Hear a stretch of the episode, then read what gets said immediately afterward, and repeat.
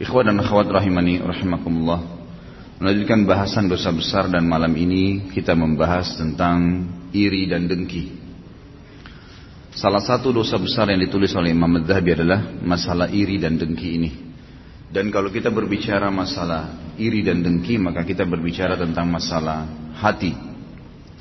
Tentu dalam ibadah dan juga dalam kemaksiatan ada dua hal yang berhubungan dengan keduanya. Yang pertama adalah kalau ibadah itu ada namanya ibadah badan dan ada ibadah hati. Sebagaimana dosa juga sama.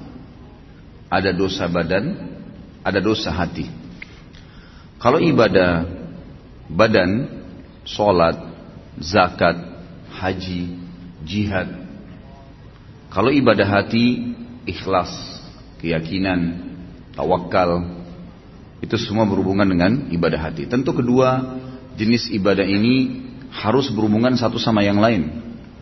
Karena ibadah badan sholat, zakat, jihad, haji, nggak diterima kalau tanpa keikhlasan, tanpa keyakinan. Ibadah hati juga tidak cukup kalau tidak diikuti dengan ibadah badan. Orang yakin dengan Allah Subhanahu wa taala.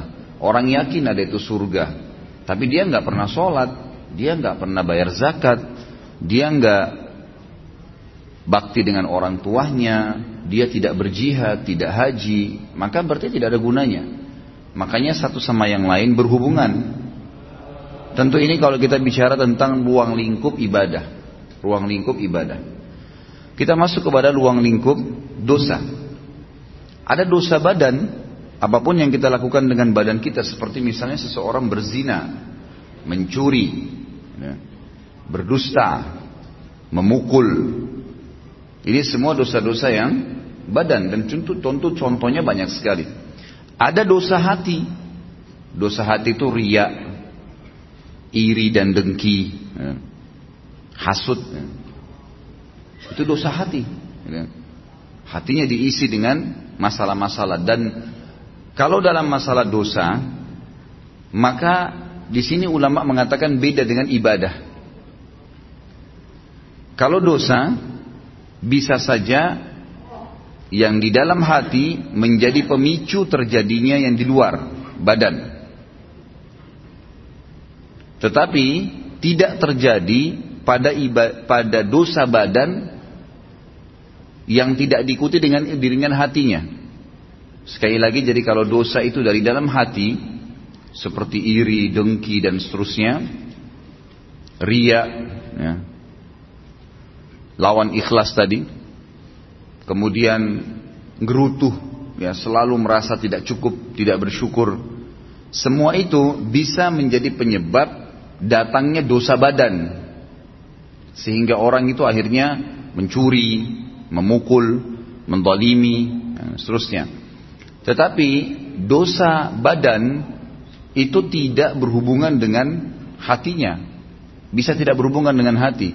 Sebab kalau hati tidak dirusak dengan dosa yang merupakan penyakit hati ini, badan seseorang tidak akan melakukan dosa. Beda dengan ibadah tadi. Kalau ibadah yang dalam hati berpengaruh pada badan, bahkan sangat berhubungan. Kalau orang tidak ikhlas, sholatnya nggak diterima, gitu kan? Tetapi kalau badan, kalau dosa berbeda. Jadi dipastikan kalau hatinya seseorang itu tidak diisi dengan penyakit-penyakit hati, dosa-dosa hati, badannya tidak akan pernah melakukan dosa badan. Kalaupun dia melakukan, maka dia akan melakukannya karena kejahilan atau justru karena paksaan saja. Ini pekah membedakan masalah itu, gitu kan? Ada juga dosa memang yang terpicu karena keduanya. Memang karena hatinya busuk, hatinya memiliki banyak penyakit, maka diaplikasikan dalam anggota tubuhnya. Ada orang seperti itu. Ini kurang lebih dalam pembukaan kita tentang masalah pembedaan antara atau pembagian dosa sebagaimana ada pembagian ibadah. Kita bicara masalah hati yang kita sudah tahu hadis Nabi SAW yang berbunyi di dalam jasad seseorang manusia ada kumpalan darah kalau dia baik maka akan baik semuanya. Dia seperti rajanya. Dan kalau dia buruk, maka akan buruk semuanya. Itulah hati seseorang. Ulama membahas panjang lebar hadis ini. Bahwasanya yang dimaksud dengan hadis ini adalah bagaimana hati yang diisi dengan dosa itu akan merusak seluruh anggota badannya. Seluruh anggota badannya. Jadi kalau misal ada satu saja penyakit hati, apa saja sifatnya? Baik itu riak iri dan dengki apa saja, maka dipastikan itu akan merusak anggota tubuh dia. Artinya dari sisi penampilannya pun akan terganggu. Mukanya, paras wajahnya akan berubah. Orang yang biasa iri dan dengki, wajahnya beda dengan orang yang hatinya nggak ada penyakit iri dan dengki. Beda. Memang ada cahaya-cahaya keimanan di situ di wajahnya. Tentu ini bahasanya besar kalau saya ingin bahas juga hubungkan dengan masalah ibadah. Tapi kita cukupkan dengan masalah penyakit hati yang memang dari penyebab anggota tubuh seseorang selalu terjerumus dalam dosa. Efek besar sekali terhadap hati yang diisi dengan kemaksiatan itu akan berpengaruh kepada fisik dia. Dari rambut sampai ke kaki. Subhanallah, pada saat ulama hadis dengan pekahnya menjelaskan kenapa Nabi Shallallahu Alaihi Wasallam pada saat meninggal, mohon maaf ini kalau teman-teman yang punya uban, gitu kan? Tapi kita bicara tentang Nabi SAW. Nabi SAW waktu meninggal tidak memiliki uban kecuali tiga lembar. Umurnya 63 tahun. Ini mungkin kalau orang cuma baca sepintas, oh Nabi SAW memang tidak ada ubannya. Tidak ada sesuatu yang penting bagi dia kalau dia tidak kaji lebih dalam. Tapi kalau kita kaji lebih dalam sebagaimana sebagian ulama hadis, mereka mengatakan apa sebabnya Nabi SAW tidak memiliki uban kecuali tiga lembar di umur 63 tahun. Sementara banyak manusia umur 30 tahun, 40 tahun sudah ubanan.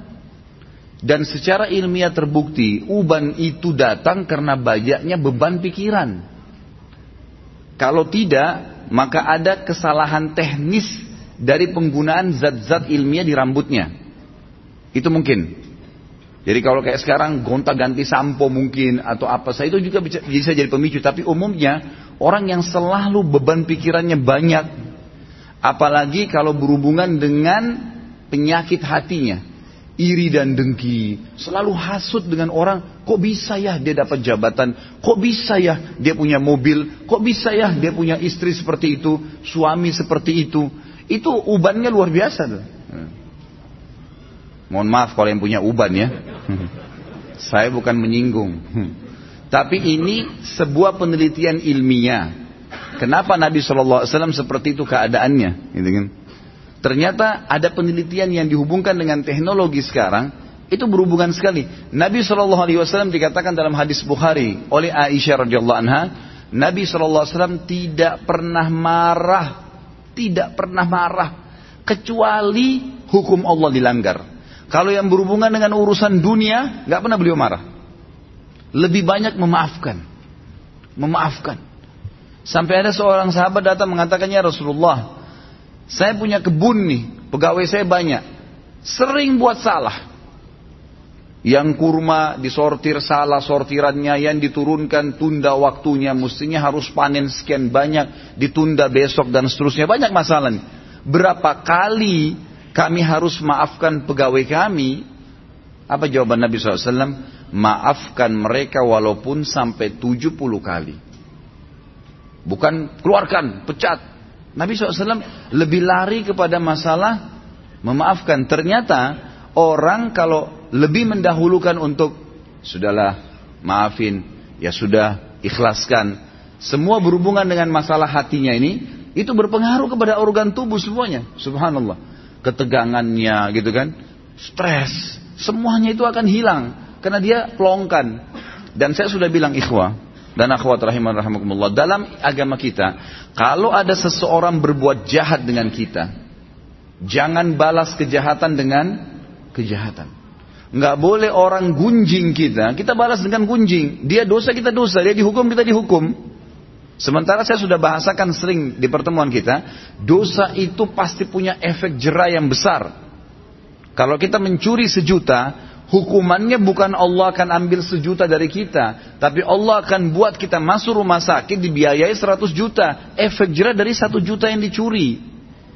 Sejam berbuat zina, Allah bisa menghukum dia dengan sebulan sakit.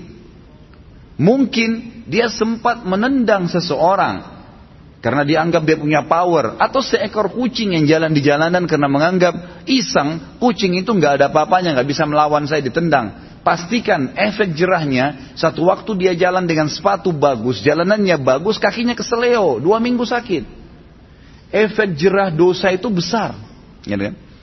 Jadi jangan sampai kita menganggap oh, orang buat dosa itu oke-oke saja atau antum pernah punya peluang berbuat dosa Misal satu waktu pernah peluang bisa berzina nih dengan seorang wanita yang antum sangat kagumi. Atau seorang akhwat kita punya peluang berzina dengan seorang ikhwah yang dikenal dengan kagumi. Lalu kemudian tidak jadi. Setan membisikkan kita, coba dulu saya zina aja ya. Yang penting saya sudah zina dengan orang yang saya cintai, yang saya sukai. Toh, ya, toh saya juga sekarang bisa taubat keliru. Karena taubat itu hanya membersihkan kita dari dos, dari hukuman hari kiamat. Tapi di dunia harus ada pembersihan, tidak bisa tidak. Tidak ada dosa yang tidak punya efek jerah. Mesti ada. Sekecil apa pun. Tentu efek jerahnya itu sesuai dengan kadar perbuatan. Tapi lebih berat daripada perbuatan dia. Dosa seperti segelas racun. Satu gelas racun ini sebenarnya secara medis bisa diobati dengan susu. Karena susu minuman yang steril bisa mengobati racun yang masuk dalam tubuh. Tapi pertanyaannya, apakah satu gelas racun bisa diobati dengan satu gelas susu? Jawabannya tidak mungkin. Mungkin membutuhkan sampai seribu gelas susu. Artinya efek jerahnya besar. Efek jerahnya besar. Maka kata kunci dalam hati seseorang. Makanya kata para ulama, bisikan syaitan agar seseorang terjerumus dalam dosa dimulai dalam hatinya. Selalu hati yang terbisik. Bukan di kuping kita. Bukan di luar. Di dalam hati. Tuh lihat tuh. Tuh begitu tuh. Tuh coba aja. Tuh nggak apa-apa. Dalam hati bisikannya. Dan kalau kita tahan juga dalam hati maka tidak akan ada masalah. Jadi hati ini memang betul-betul raja ini kata para ulama. Nabi SAW pernah kedatangan seorang laki-laki dalam hadis Bukhari. Ya Rasulullah, wasiatkan saya. Nabi SAW tahu orang ini emosional. Kata Nabi, jangan kamu marah. Marah itu penyakit hati loh ya. Di hati. Tapi dia teraplikasikan nanti dengan gerakan tangan, ekspresi wajah. Tapi dia dari hati tuh. Nabi SAW ingatkan, jangan kau marah, hatimu tidak boleh. Apalagi ya Rasulullah, jangan kamu marah. Apalagi ya Rasulullah, jangan kamu marah. Nabi SAW kata para ulama hadis sering kali memberikan nasihat sahabat sesuai dengan keadaan yang sedang dihadapi oleh orang itu. Jadi makanya kita pun sebagai umat Nabi Shallallahu Alaihi Wasallam tidak mengambil hukum spontan dari sebuah hadis karena itu per kasus di zaman Nabi SAW, gitu kan?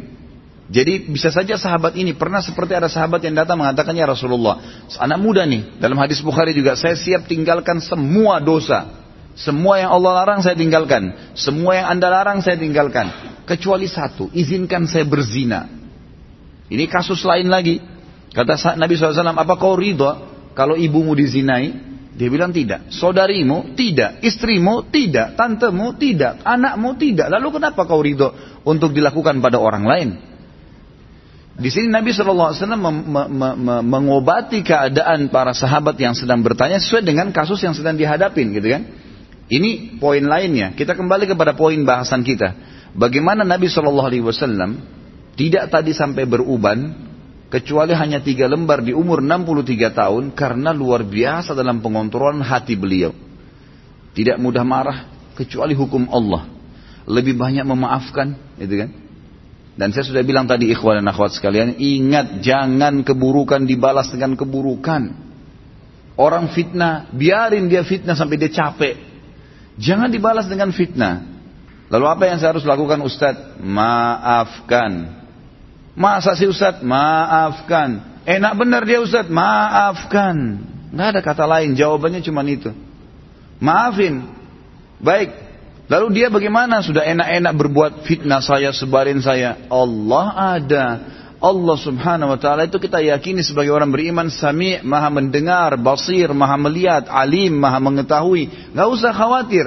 Hukum yang telah Allah turunkan, setiap orang yang berbuat dosa pada Allah, dia kalau tobat Allah ampuni. Tapi kalau dosa berhubungan dengan hak makhluk, manusia, maka dia harus tobat kepada Allah dan meminta maaf kepada manusia yang dia buat salah. Gunjing, fitnah, mencuri, merusak nama baik. Jadi kalau kita begitu difitnah, langsung awalnya kita maafin, udah deh saya maafin. Allah mengatakan wal'afina anin nas. Hati kita steril kembali tuh.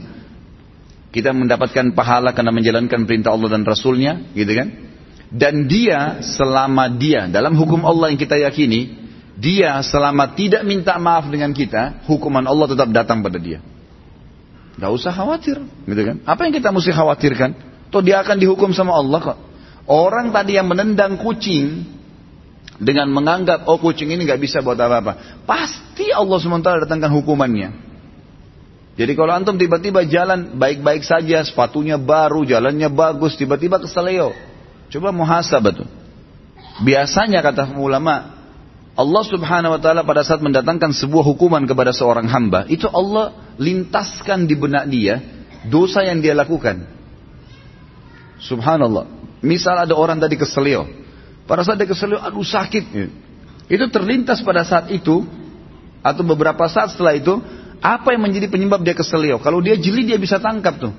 Oh ternyata dulu pernah ada orang yang saya tendang nih. Pernah mencuri sepatu. Pernah apalah gitu kan. Pelaku-pelaku yang dilakukan. Maka datang hukuman tersebut. Orang kalau masuk rumah sakit tiba-tiba kemudian dirawat di rumah sakit. Selama tiga hari harus dirawat. Demam berdarah atau penyakit apa saja. Ya. Kemudian dia pada saat sakit pastikan kalau dia peka kalau dia kembali kepada Allah dia bermuhasabah. Ya Allah ini apa penyebab dosa saya? Saya bertobat sama kamu kalau seandainya ada perbuatan salah. Itu pasti terlintas di benaknya. Apa penyebabnya itu? Misal tiba-tiba dia teringat oh dulu pernah dia minum khamar. Oh dulu pernah dia buat sesuatu yang haram. Terlintas tuh istighfar kepada Allah gitu kan? Seperti itu jadi hati memang betul-betul dikatakan sini mahkota. Dan saya lupa ya, saya tidak tahu apa saya pernah sampaikan di pertemuan lalu atau sebelumnya tentang masalah bagaimana hati itu, teman-teman sekalian betul-betul harus disterilkan. Seperti sebuah ruangan yang steril sekali, hati itu.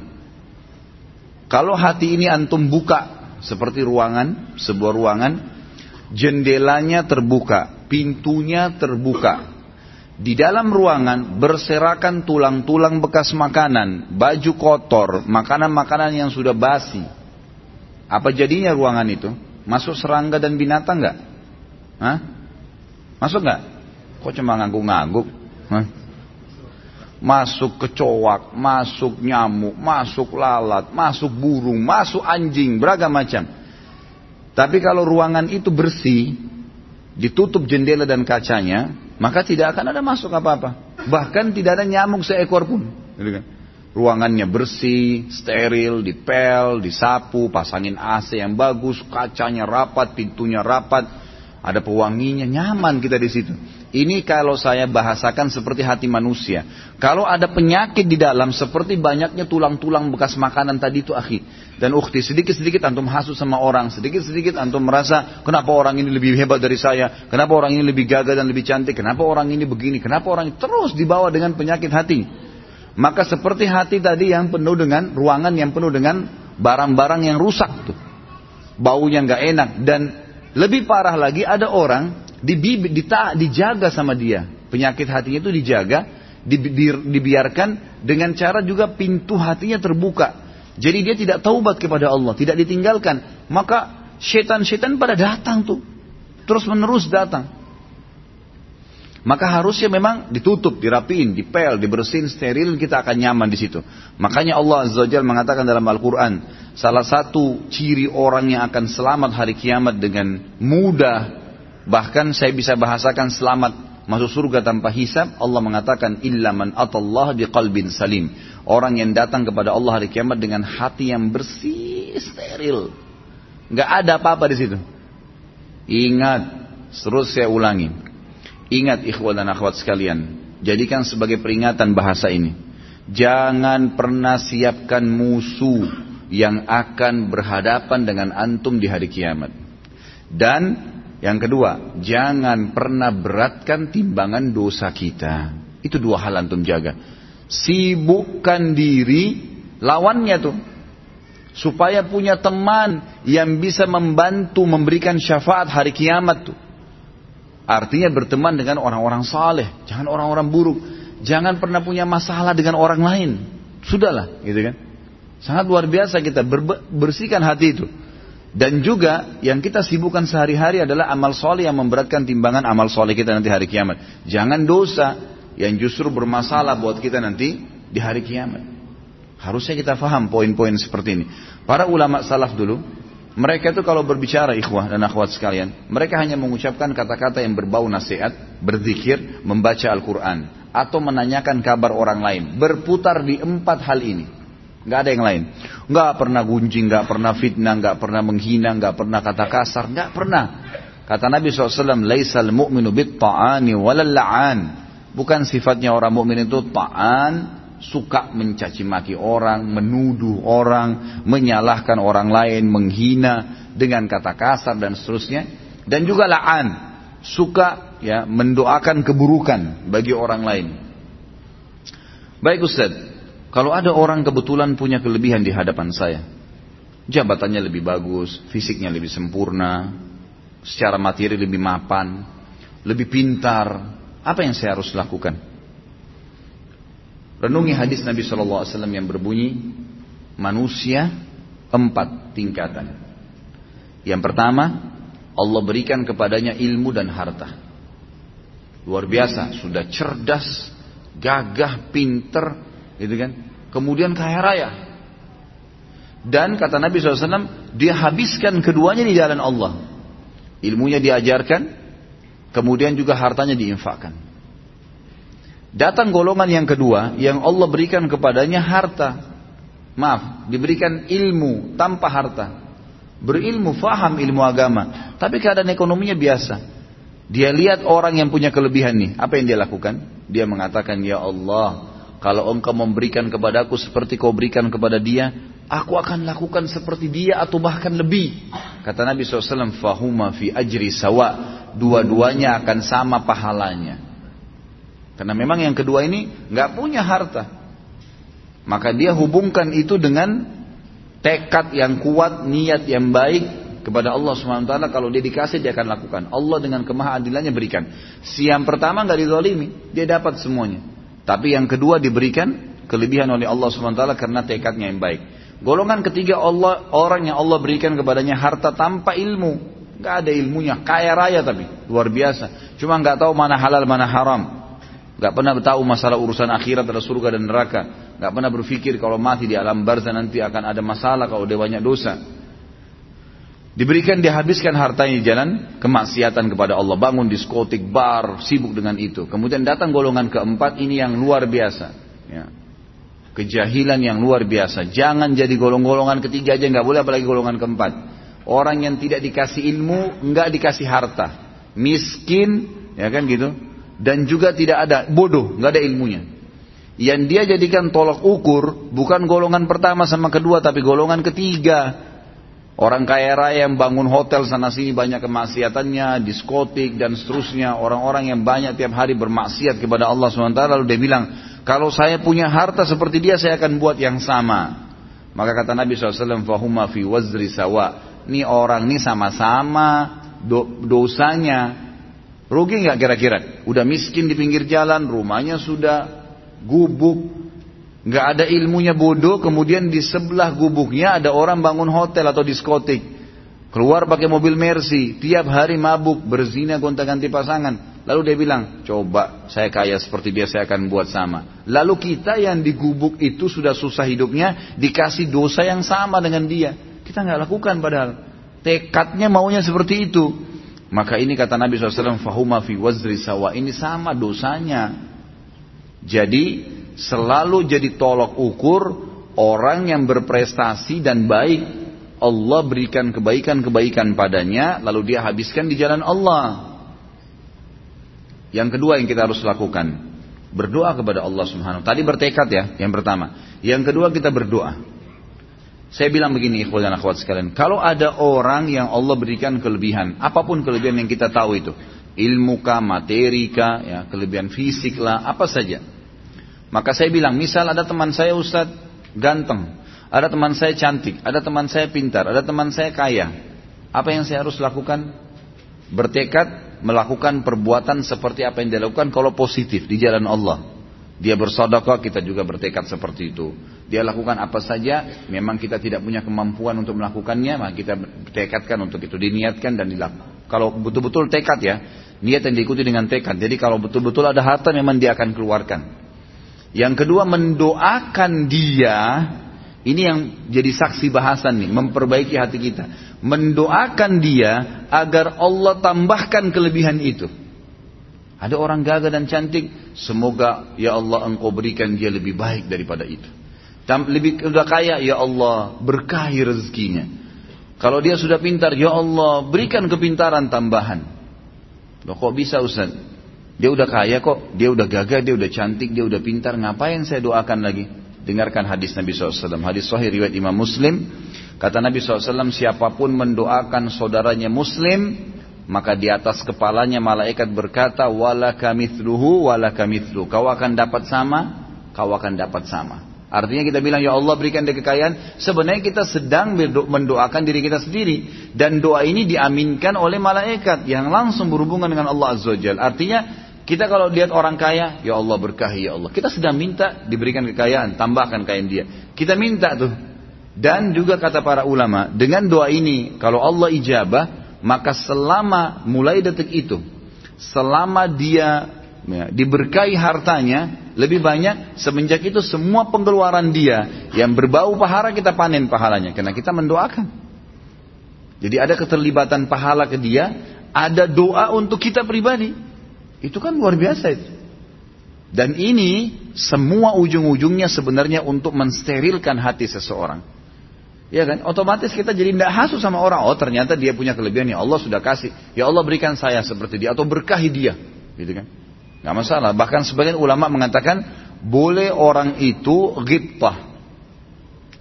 Iri itu dan dengki definisinya adalah seseorang yang melihat sebuah nikmat pada orang lain dia merasa terganggu kenapa orang itu mendapatkan nikmat tadi dan berharap nikmat itu hilang. Misal orang gagah, orang pinter, orang kaya, hasut dia. Kenapa ya orang ini dapat? Lalu dia bukan tidak cukup sampai situ. Dia merasa bagaimana caranya supaya orang ini hilang kebaikan itu darinya. Supaya hilang kelebihan fisiknya, supaya hilang kekayaannya, supaya hilang jabatannya. Dibuatlah makar dengan, oleh dia untuk itu terjadi. Gitu kan? Kebanyakan kalau di Indonesia ini jalan pintasnya dukun. Gitu kan? Dukun, gagalkan usahanya orang, rusakkan rumah tangganya. Ini dukun yang bermain, setan-setan semua bermain, gitu kan. Untuk mengiyakan nih permasalahan ini gitu. Nah, ini harus hati-hati, gitu kan. Harus tidak boleh ke sana. Ya, tidak boleh sama sekali. Kita balik kasusnya sekarang, kita harus bertekad. Kalau ada positif kita bertekad agar mengerjakannya. Tapi memang ini pada saat kita nggak punya ya. Jadi misal jangan sampai antum sudah kaya raya, antum bilang saya nggak usah sedekah, Cari orang kaya saja, saya bilang, oh kalau dia bersedekah saya tinggal niatin aja. Bukan gitu. Sebab di sini dikatakan oleh Nabi SAW adalah orang yang Allah kasih ilmu tanpa harta memang nggak ada hartanya. Yang gitu. Ada sebentar lagi nih banyak jemaah haji berangkat ya kan? Antum nggak punya kesempatan haji. Mungkin ada duit tapi nggak dapat visa, nggak ada kesempatan. Bisa kita dapat pahala seperti mereka. Caranya memang tekadkan ya Allah. Kalau engkau mudahkan aku seperti mereka dapat visa, dapat kemudahan, aku akan haji bersama mereka. Sama pahala hajinya tuh. Tapi tidak diambil dari pahala mereka. Allah dengan kemahadilannya tetap beri mereka, tapi kita diberi juga senilai hanya dengan niat dan tekad tadi. Yang kedua doakan, sering mendoakan kebaikan. Dan saya sudah pernah bilang, hati juga itu akan sangat baik. Ada orang berbuat jahat dengan kita nih. Dalam masalah doa, coba pilih doa yang baik. Kalau betul-betul sudah nggak bisa, mungkin baru antum bisa pilih opsi doa yang kedua. Misal ada orang utang nggak bayar, contoh kasus, kita merasa dongkol nih, kenapa dia nggak bayar nih? Udah ditagi nggak mau bayar juga, gitu kan? Saya mau doakan deh, doanya di sini bisa dua nih. Ya Allah, hancurin rumahnya, misal, terzolimi bahaya nih. Doa apa saja bisa dikabulin sama Allah karena orang ini tidak ada hijab antara dengan Allah, gitu kan? Bahaya tuh. Ya Allah kalau dia lagi jalan-jalanan tabrakin mobilnya. Dan ini bahaya sekali. Ini bukan saya lagi ajarin doa buruk ya. Hmm. Jangan diamalin. Ingat, jangan diamalin. Ini saya kasih contoh. Ini satu opsi doa. Baiklah, antum terzalimi dikabulin sama Allah. Tabrakan masuk rumah sakit, udah selesai. Atau kita doakan apalah, terjadi pada dia, gitu kan? Maka kalau sudah terjadi doa itu pada dia, urusan antum sama dia sudah selesai. Urusan antum sama dia sudah selesai.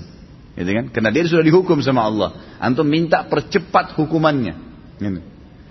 Mana lebih baik ini atau kita mendoakan, ya Allah bukain hatinya, ya Allah mudahin dia membayar utangnya, ya Allah berikan dia pemahaman, takutkan dia dengan akhirat, ya.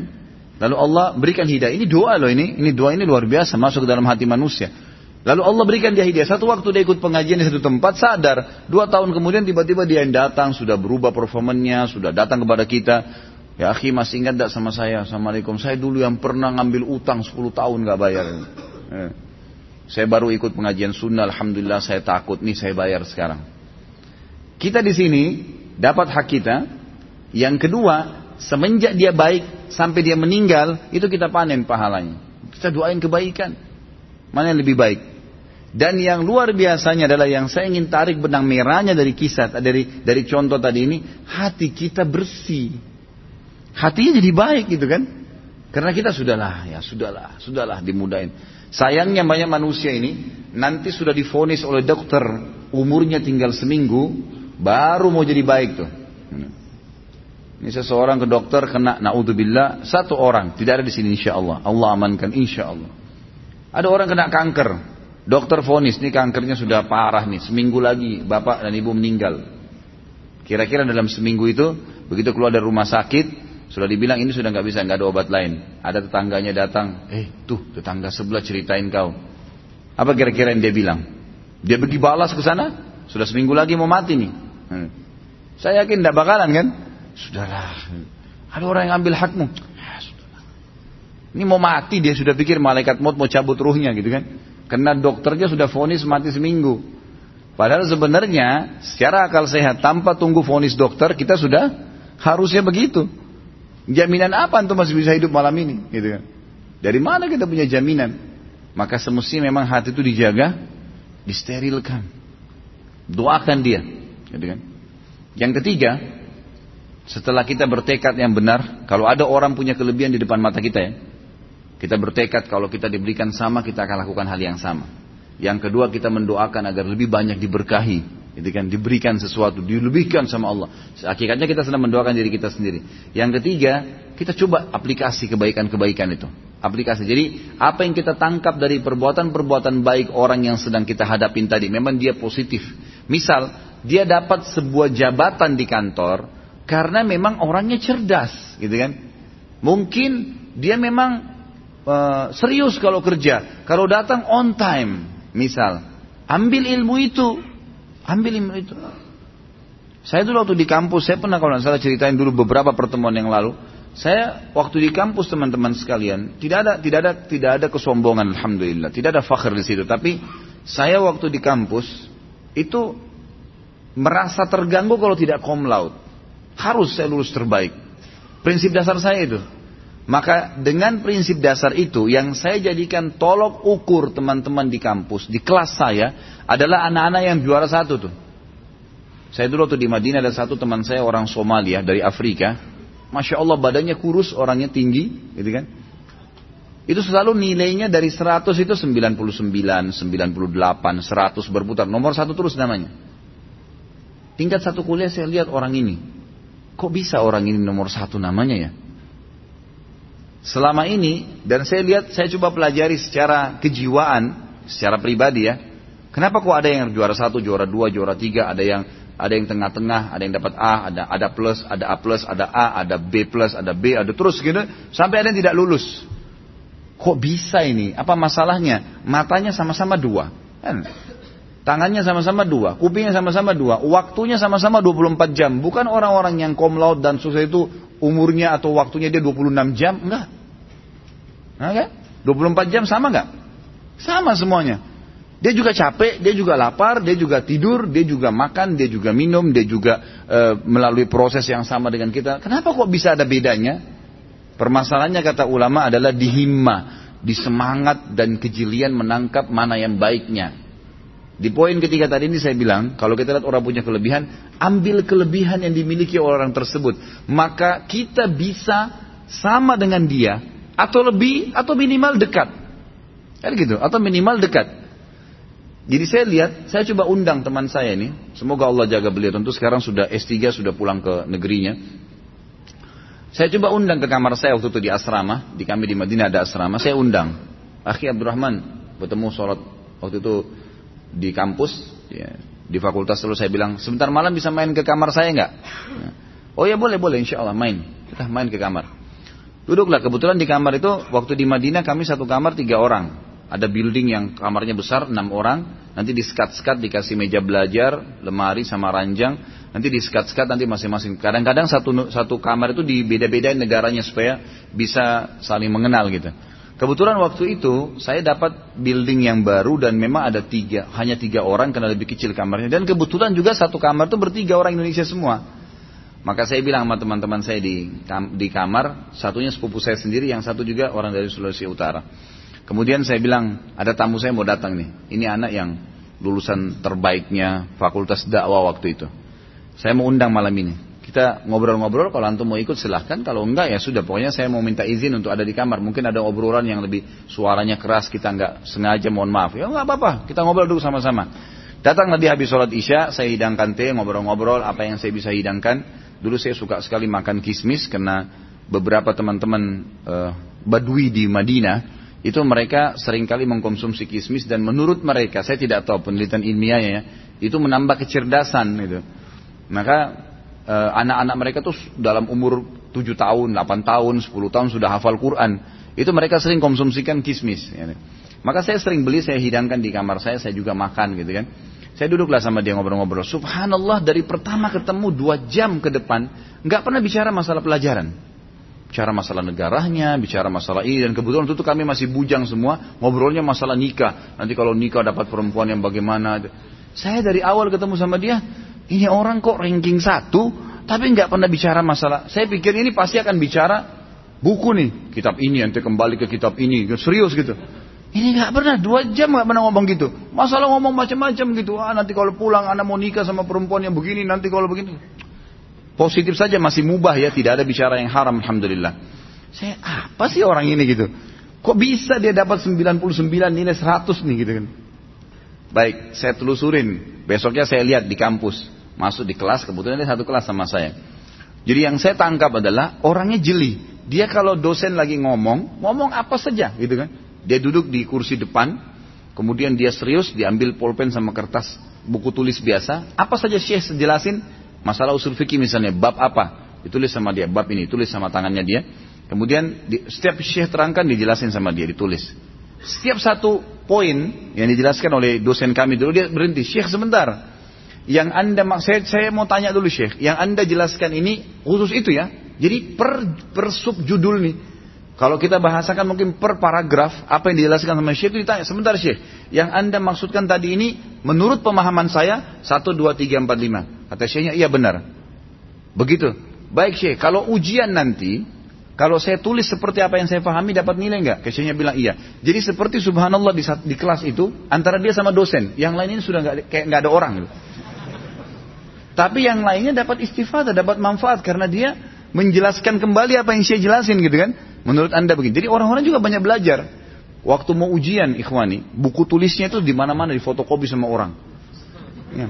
Difotokopi orang baca dan berapa banyak pahala yang didapatin tuh ayat Al-Quran, hukum-hukum, kaidah-kaidah hukum fikih semua difotokopi. Saya perhatikan mungkin ini kata kuncinya orang ini. Dia selalu luar biasa itu. Sampai kadang-kadang kalau dia belum paham, dosen keluar diikutin sama dia. Baiklah, saya lihat efeknya adalah karena dia sudah paham di kelas, malam ujian itu benar-benar buku tulis dia dia nggak ada di tangannya, dia nggak baca malam ujian itu. Difotokopiin sama anak-anak yang memang sudah malas belajar nih, cuma tahu menghafal saja gitu. Main fotokopi, simpan, baca gitu kan. Nah. Udah, saya tanya dia, Abdurrahman, ente nggak baca nih buku ente? Dia bilang buku anak di mana-mana di fotokopi sama ikhwah semua. Anak nggak tahu di mana. Ente nggak baca, sudahlah, insya Allah khair gitu. Ya sudah. Saya lihat mungkin karena saya tangkap pemahaman dia adalah seperti itu. Apa yang terjadi ikhwani? Saya coba terapkan apa yang saya tangkap positif. Ini yang saya ingin diberatkan ya. Jadi pengalaman pribadi saya, saya coba terapkan. Coba deh saya ambil poin ini, saya anggap positif. Dosen masuk, saya ambil buku tulis. Pertama saya ambil pulpen, lalu kemudian dosennya ngomong. Nah, di sebelah sana Abdurrahman di sini saya nih. Sebentar dia ngomong, Syekh begini-begini. Kalau saya belum paham, saya bilang sebentar Syekh. Kalau begini, begini, begini. Jadi kesannya ini saya berdua di kelas ini lagi mendominasi gitu. Karena memang saya pakai cara dia, gitu kan. Maka betul-betul seperti setelah berjalan ya, dosen keluar, apa yang dijelaskan tadi, karena saya ulangin lagi, Abdurrahman juga ulangin, saya jadi paham. Dan akhirnya saya mulai belajar nulis tuh. Sampai pada tingkat ikhwan, enam bulan setelah itu, tadinya saya kewalahan, dosen ngomong apa untuk dikejar tulis itu susah. Orang ngomong kayak saya sekarang ini ngomong mengalir begini, antum tulis, sibuk nulis ini susah. Kadang-kadang kepala kita kita nggak bisa ngangkat lagi lihat mukanya syekh gitu kan. Jadi tetap aja saya tulis. Subhanallah setelah enam bulan karena hampir tiap hari saya gituin semua materi, saya sampai pada tingkat alhamdulillah bisa menulis ya di satu buku tulis dengan dua warna pulpen. Pulpen tulisan materi dengan pulpen tinta warna hitam, yang ayatnya pulpen warna merah. Jadi dosen yang ngomong saya tulis. Itu bisa tidak ketinggalan. Awalnya nggak masih orat-oret, saya pulang ke rumah nanti saya perbaikin lagi pindahin di buku tulis gitu kan. Alhamdulillah dengan positif ini yang saya ambil dari dia, betul-betul apa yang Syekh sampaikan di kelas saya paham. Sampai ada materi namanya sarf dulu. Sarf ini e, mempelajari kenapa kasrah, kenapa fathah, kenapa dhamma dalam bahasa Arab. Itu umumnya mahasiswa malas belajar tuh. Tambah lagi Masya Allah, Allah kasih kita dosen waktu itu dosennya, ya kacamatanya tebal, suaranya kecil, hadapnya ke papan tulis. Dia ngomong sama papan tulis berdua. Gak bisa ditangkap. Ini bukan bicara masalah aib beliau karena saya tidak sebutin namanya ya. Tapi metodenya begitu. Ini papan tulis dia nulis, kemudian dia ngomong sendiri. Ini di belakang anak-anak tidur, yang ngobrol nggak dipedulikan sama dia. Ini materinya sulit nih, bukan materi yang mudah gitu. Saya coba duduk di depan, saya coba tangkap apa yang dia bilang ini. Syekh, apa sih? Ini kenapa Syekh? Saya ulangi lagi. Tapi dia orangnya baik. Kalau kita tanya, diulangi lagi, diulangi lagi. Sampai saya paham. Subhanallah ikhwani, pengalaman yang saya dapatkan luar biasa saya nggak bisa lupain sampai sekarang. Itu pada saat malam ujian, bukan hanya bukunya, bukan cuma buku tulis Abdurrahman yang difotokopi, gitu kan? Yang terdominasi dibagi di teman-teman seluruh pada saat itu yang angkatan saya, malah buku tulis saya itu. Karena dianggap buku tulis saya lebih rapi tulisannya karena bisa dua tinta yang ayat Al-Qur'annya warna merah gitu kan. Dan pernah terjadi ada seorang dosen namanya materinya Gazul Fikri. Gazul Fikri ini perang budaya. Maaf sebentar muadzinnya ya. Perang budaya. Jadi kita bagaimana mempelajari orang-orang non-muslim, orang orientalis, bagaimana mencari kesalahan Islam. Di seluruh dunia nih, program-program kristenisasi apa saja. Dosen-dosen kami dulu pernah bawain Injil. Nih, Injil, baca nih. Halaman begini. Ini alasan mereka. Jadi pelajaran yang padat. Gazul Fikri ini, ada satu dosen juga yang ngajar kami. Beliau ini orangnya kuat di tulisan. Tapi kalau menjelaskan itu kurang tepat gitu kan. Ada orang begitu Masya Allah. Kalau tulisan bukunya luar biasa. Ini kalau terangin nggak? Dan sering kalau masuk pakai bahasa amia. Amia itu kayak bahasa pasaran. Tidak semua orang ngerti gitu ya. Jadi kalau ada teman-teman ikhwan yang tanya di kelas, Syekh, ana belum paham ya Syekh. Ente pelajari sendiri di buku gitu. Jadi jawabannya selalu gitu, pelajari sendiri. Kenapa saya yang nggak paham? Saya kan sudah pakai bahasa Arab gitu. Jadi dia gitu kadang-kadang gitu kan, jadi kembalikan ke kita. Subhanallah saya coba tangkap, setiap pribadi dosen saya tangkap. Nih dia ngomong apa nih? Oh ini saya tulis, saya coba, ya kan? Diberikanlah ujian pada saat itu nilainya 100. 70 itu di ujian akhir, 30 itu di ujian semester kelas ini. Nilai 30 kalau kita dapat 100 jadi komlaut dan di Saudi dulu kalau kita lulusnya mumtaz namanya, itu dikasih 1000 real bonus. Selain beasiswa yang 840 real itu, kita dapat lagi 1000 real. Dan itu cuma yang dapat 5 6 orang gitu kan.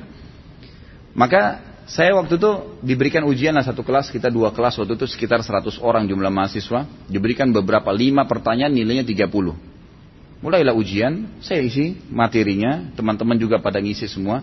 Pas minggu depan saya datang marah-marah di kelas. Dua kelas ini dimarahin semua sama dia. Kenapa ini saya kasih baru lima pertanyaan sudah nggak bisa benar. Bagaimana kalau ujian yang besar nanti? Kalian bisa tidak lulus semua. Semuanya tidak jawab yang benar kecuali ini nih bahasa lama nih ditunjuk saya gitu kan. Orang semua kaget, saya juga kaget kok saya sendiri. Dia bilang ini orang satu-satunya dari dua kelas ini yang jawab sempurna, saya kasih 30. Setelah pulang dari kelas, Abdurrahman datang ke saya, ya Khalid, sekarang anak yang belajar dari ente nih. ini ini bagaimana caranya nilai 30 kamu dapat nih, apa yang kamu jawab? Nih tulisan saya akhi, gitu kan. Subhanallah.